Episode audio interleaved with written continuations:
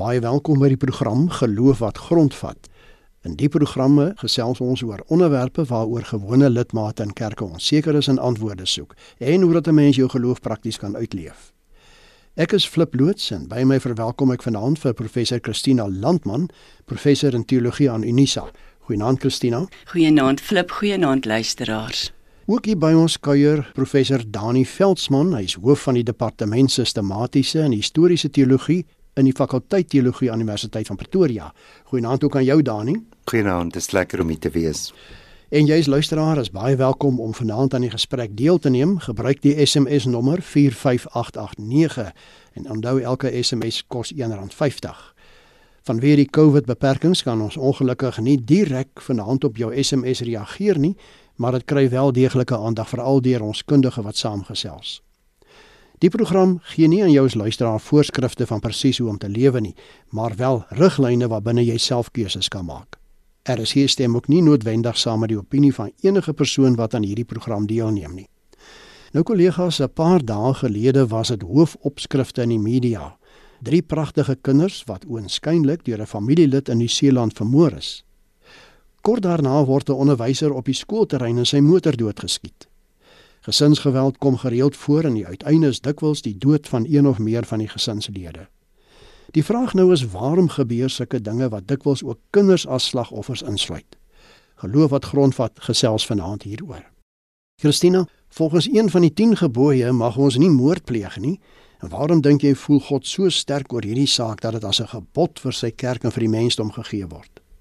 Filippi 60 gebod sê jy mag nie moord pleeg nie. Nou ja, dit kan of baie duidelik en spesifiek opgeneem word of dit kan baie breed opgeneem word. In hierdie eeue het dit dan nou gebeur dat jy onthou in die 1933 vertaling staan jy mag nie doodslaan nie.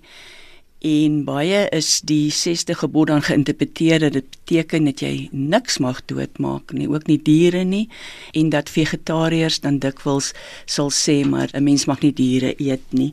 Dit is ook baie gebruik in argumente oor oorlogvoering en is daar so iets soos 'n geregverdige oorlog? Wanneer is dit geregverdig om in oorlog iemand dood te maak? Ons moet net onthou die 10 gebooie het ontstaan in tye toe daar nie ander landswette was nie. Dit was die wette gewees om 'n groep mense te mekaar te beskerm en ook die lewe te verseker en die lewe voorop te stel waarop dan volgens Bybelse getuies God baie sterk gevoel het die beskerming van lewe. Nou vandag is ons nou hier in die 21ste eeu, hoe interpreteer ons dit nou? Veral gesien in die lig van voorbeelde wat jy genoem het, kan 'n mens sê dat 'n ma kan dink dit is beter vir haar kinders om dood te wees as om te lewe. En kan dit 'n argument wees wat in hof kan staande bly? Daai goed sal ons nie hier kan antwoord nie. Ons kan wel vir mekaar sê deur die eeue is ouers die reg gegee om oor lewe en dood van hulle kinders te besluit. En selfs in 17de eeu se Europa kon 'n pa nog besluit of 'n kind sal lewe of nie lewe nie. So al hierdie dinge maak dat dit ongelooflik moeilik is om hierdie 60 gebod te interpreteer. Maar Dani daar is nou die gebod, die 60 gebod. Jy mag nie doodslaan nie of jy mag nie moord pleeg nie. Waarom gebeur dit dan dat ten spyte van die gebod om nie moord te pleeg, mense dit dan tog doen? Flip hierdie Dickinson insident in Nieu-Seeland en die Dickinson mense het name Lauren en Leonie, die 6-jarige en die tweeling Carla en Maya het my onmiddellik gekonfronteer as jy my hierdie vraag vra met houding ten opsigte van die studente waarin ek vir hulle altyd sê julle is soos dokters. En wanneer jy in 'n traumasaal staan en hulle bring hierdie persoon in wat in 'n ongeluk was, kan jy nie as dokter sê, "Aa, uh -uh, hierdie persoon het te seer gekry. So vat hierdie persoon weg, bring asseblief vir my 'n volgende persoon." As ons oor hierdie baie moeilike en traumatiese insident praat, moet ons met die grootste versigtigheid en terughoudendheid daaroor praat en al ons woorde. Dis my eerste opmerking. My tweede een is wanneer ons oor so menslike tragedie praat. Dit het nou plaasgevind, dit het nou al verskeie kere ook in ons Suid-Afrikaanse konteks plaasgevind in die afgelope paar jaar waar daar 'n ma is wat haar kinders vermoor.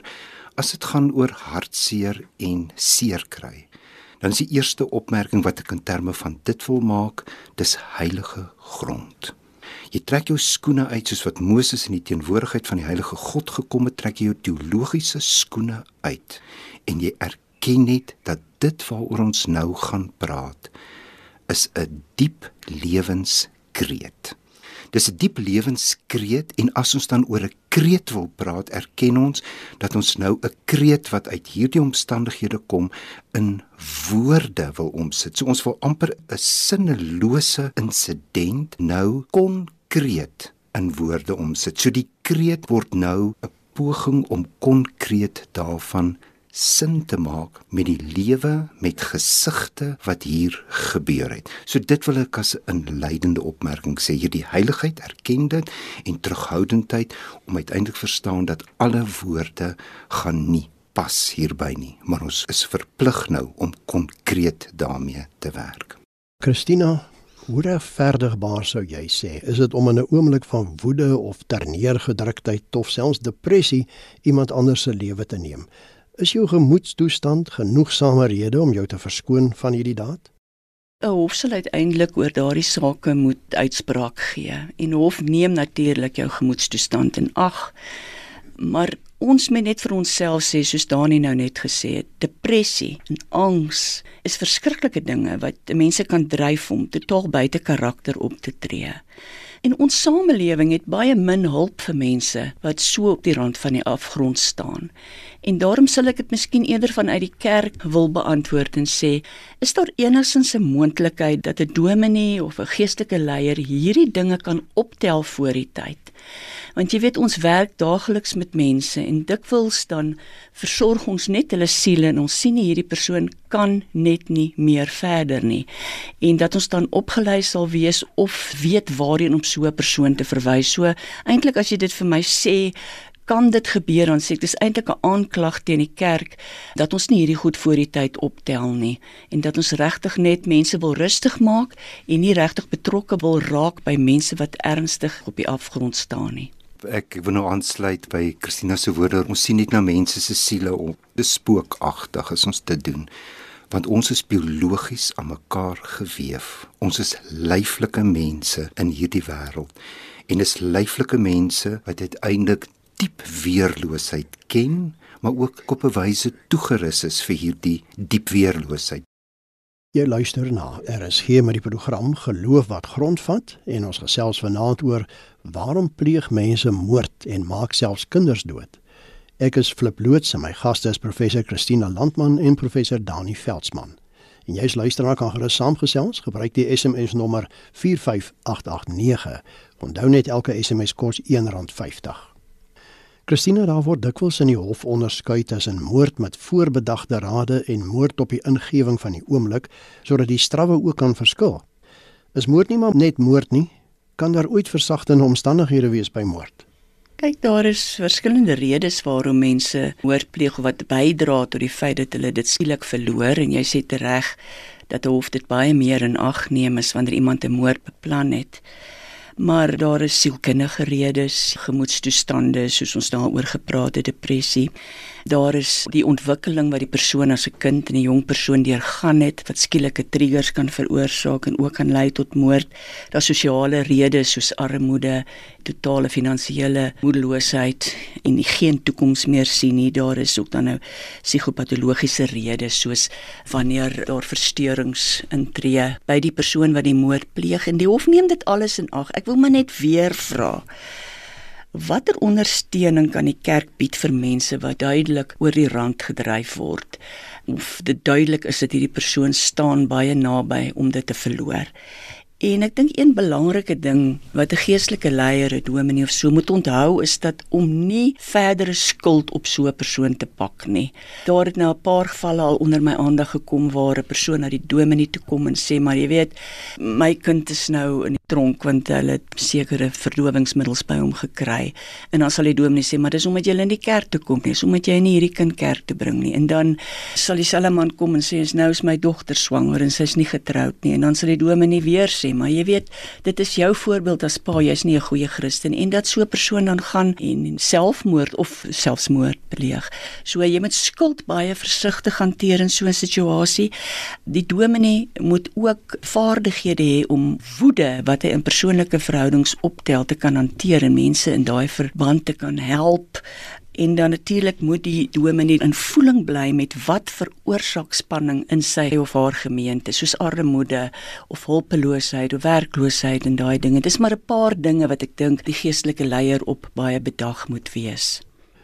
Danie het die kerk enige leer spesifiek oor mense wat moord gepleeg het. Ek weet daar is lidmate wat bekommerd is en sê maar as iemand moord gepleeg het, dan verdoem die kerk jou of jy word deur die kerk afgeskryf. Dis beslis nie die boodskap van die kerk soos ek uiteindelik dit as geloofsgemeenskappe en navolging van Jesus verstaan nie. Daardie boodskap is een van deernis en begrip.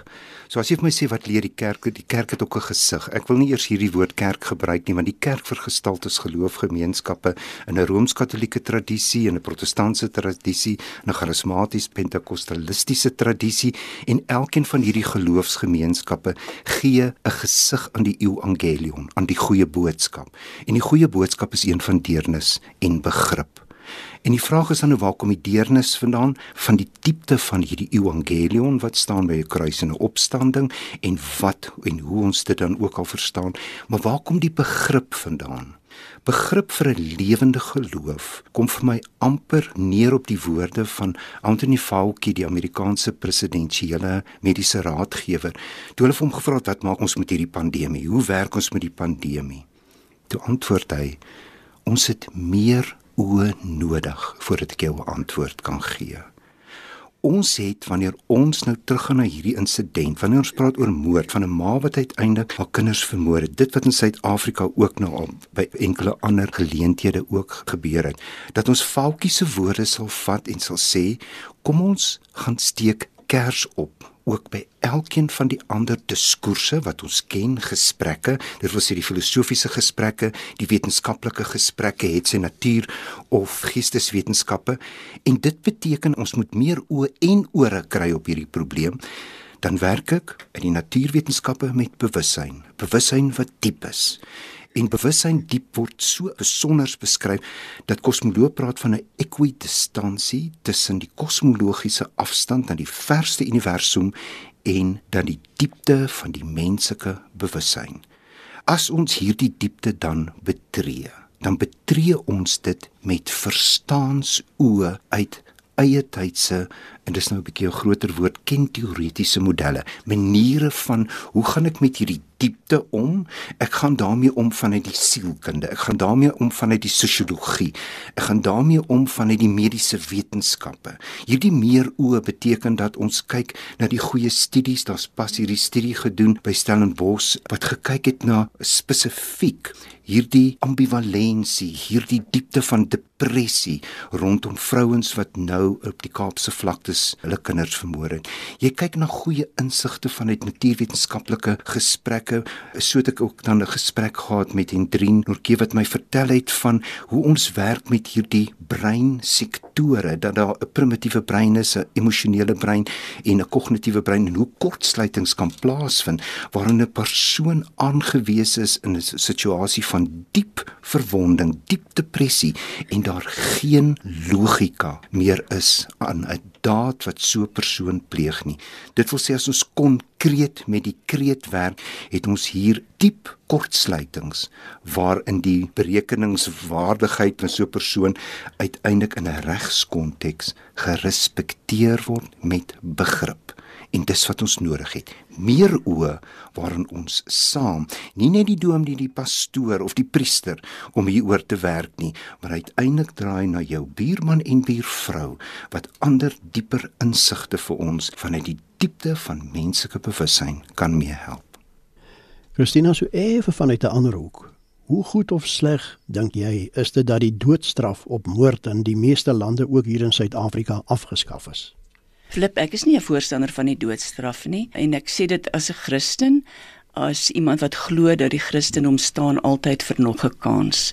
Dit is natuurlik ook bewys dat die doodstraf nie regtig mense afsit om moord te pleeg nie. Ek dink soos Dani nou net verduidelik het, daar is voorbedagte moord, maar daar is ook moord van mense wat heeltemal net 'n kort sluiting het wat maak dat hulle nie verantwoordelike besluite kan neem nie. As 'n Christen sou ek sê die Christendom is die geloof van 'n tweede kans vir herstel, vir regmaak En daarom sal ek nie die doodstraf voorstel nie dat mens nie daardie kans van iemand sal wegneem om te herstel of tot 'n watter mate ook al te kan herstel wat verkeerd geloop het nie. Danie behoort iemand se berou oor die moord wat hy of sy gepleeg het nie voldoende te wees om so een nie verder te straf nie, maar eerder vry te spreek. Hoe tree die kerk op in sulke omstandighede? So iemand het 'n gesig. Dis konkrete omstandighede. Daar's goed waarna uiteindelik moet gekyk word en hier help die regstelsel ons. En die oomblik as ek kan praat ook, sien dat reeds daarna verwys die regstelsel het 'n straffende kant en het ook 'n genesende herstellende kant. Ons kan leer ook by die regstelsel. En dan in my agterkop is hierdie besondere ding van Tillich wat gesê het die heilige en ek het begin met dis heilige grond hierdie ons moet ons skoene uittrek. Ons moet kers opsit. Ons moet meer oë op hierdie situasie hê. Tillich het al gepraat daarvan as teoloog dat wanneer die heilige vergestald kan dit konkreet wees in eksplisiete goed soos kerke, maar ook implisiet. Implisiet vind die heilige ook neerslag in die regstelsel, in die wetenskap. Daar waar ons soek na die waarheid in die wetenskap, daar waar ons soek uiteindelik in die regstelsel na reg, daar waar ons in gemeenskappe soek na liefde, so in die regstelsel het ons ook 'n verfyning van waarin dit oor opbou, genesing gaan. En dit is die boodskap, die evangelium van geloofsgemeenskappe, van 'n kruis wat 'n oomblik van God verlatenheid en sinneloosheid is, wat in 'n opstandigheid om slagoffers te bly of met dit saam te kan leef, waar is herstel, waar is opstandigheid, waar is opbou moontlik? Dit is vir my die konkrete betekenis van die deernis en die begrip van die boodskap van die kerk. Dit is RSG met die program Geloof wat grondvat en ons gesels vanaand oor waarom pleeg mense moord en maak selfs kinders dood. Ek is Flip loods en my twee gaste is professor Christina Landman en professor Dani Veldsmann. En jy's luisteraar kan gerus nog saamgesels gebruik die SMS nommer 45889. Onthou net elke SMS kos R1.50. Christina, tot watter mate behoort mense wat kindertjies vermoor swaarder gestraf te word as wanneer hulle volwassenes vermoor. Filippus ek myself 'n naam mag gee, sal ek sê ek is nie 'n strafteoloog nie. Ek is maar eerder 'n genade teoloog. En ons het 'n ouderling wat altyd so mooi in die konsistorie bid. Here, dankie vir nog 'n genade kans. En nou in die COVID tyd het hy so mooi gebid. Dankie vir die genade kans om te kan asemhaal. En ek sou eerder sê dat iemand wat gedryf is om maar kinders skade te doen, het ekstra genade nodig. Daarom sal ek eerder in terme van 'n genadekans wil praat, hierdie vraag wil antwoord. 'n Ekstra genadekans as in terme van straf. Dani, hoe kan 'n mens jou emosies verwerk en in toom hou sodat jy nie byvoorbeeld uit woede of jaloesie iemand vermoor nie? Daar was 'n Amerikaanse sielkundige wat iewers geskryf het: "Emosies maak die lewe die moeite werd om te lewe, maar ook om dit te beëindig." Ons emosies is ingebed in ons biologiese samestelling. Ons is affektief aan mekaar gewewe. Pascal sê so mooi, ons het God lief met ons harte. Die hart het redes waarvan die rede nie weet nie om met emosies te werk, sal dit uiteindelik, dit gaan ek dan baie versigtig probeer formuleer, sal diep ingebed wees in ons samelewings se verhoudinge en relasies in 'n opvoedkundige stelsel op die wyse waarin daar ruimte gegee word vir mense dat wanneer hulle oorvra word Christina het ook vroeër daarna verwys van 'n predikant wat in die nabyheid van mense moet sien wanneer ons oorvra word. Emosies kom van 'n latynse woord emovere wat beteken dit bring ons in beweging Ons word soms gestamp deur die lewe, gestoot deur die lewe op allerlei maniere en ons sal met al ons oë tot ons beskikking uiteindelik sensitief moet wees dat vir my die diepste vrug is van die gees van God, sensitiwiteit vir hoe mense se emosies kan kortsluit, hoe dit kan oorkoop en hoe ons dit met verhoudinge ook uiteindelik by mekaar kan hou, kan versorg iets van die lewe wanneer dit gebeur in sinloosheid ons dit sou kon buffer. Kollegas, kom ons vat saam. Christina, hoe moontlik sou jy sê is dit om iemand wat skuldig bevind is aan moord kerklik by te staan en selfs nadat so een sy of haar vonnis uitgedien het weer terug in die gemeente te verwelkom? Flip daar's kerke in ander lande, dis ongelukkig nie hier by ons goed ontwikkel nie. Byvoorbeeld 'n land soos Kanada, weet ek, is daar kerke wat 'n baie goeie stelsel het waarin hulle dan mense wat moord gepleeg het en op parol uit is, ondervang. En hulle doen dit baie verantwoordelik. Hulle help met die reïntegrasie van hierdie persoon in die samelewing en ook in die kerklike samelewing, maar daai persoon gaan dan ook saam met iemand wat toesig hou oor hom en hy moet teruggerapporteer word. Want die kerk het nie net 'n verpligting teenoor die persoon wat aan moord skuldig bevind is en op parol is nie. Die kerk het ook 'n verpligting teenoor die mense met wie hierdie persoon in aanraking kom dat hulle ook sal veilig wees. En ek sal regtig hoop dat ons in ons land ook sulke stelsels sal ontwerp en ons saamwerk met gevangenes dat ons hierdie opvang kan ontwerp op so 'n manier dat mense wat moord gepleeg het terugontvang word en dat die mense saam met wie hulle dan werk en saam met wie hulle lewe ook veiligheid sal geniet. Danie, die laaste woorde is joune. Hoe kan ons as samelewing daarna streef om in die woorde van 1 Timoteus 2 vers 2 eerder 'n rustige en stil lewe te lei in volkomme toewyding aan God en in alle eerbaarheid in plaas van geweld en moord? Die Bybel bestaan uit wel ook van die protestantse Bybel uit 66 boeke. Daar's ook 'n Psalm wat sê nog hoe lank nog Here. Daar's niks van rustigheid en stil lewe nie. Bedaar sê 'n ander Psalm en dis meer daar's 'n koor van lewensstemme. Hoe kan ons in 'n samelewing met ons uiteindelik realisties met die uitdaging voor ons in ons vasknoping in diep afhanklikheid van God lewe soos wat die lewe gebeur.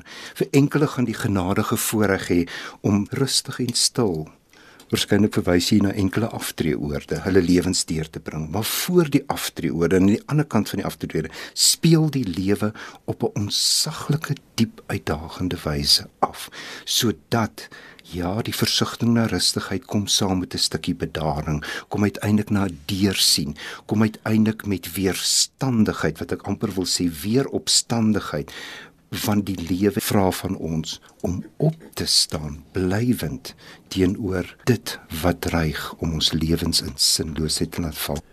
Dit dan al 'n finansiële geloof wat grondvat. Baie dankie dat jy as luisteraar saamgekuier het. En dankie aan my twee gaste, professor Christina Landman en professor Dani Veldsmann vir hulle bydraes.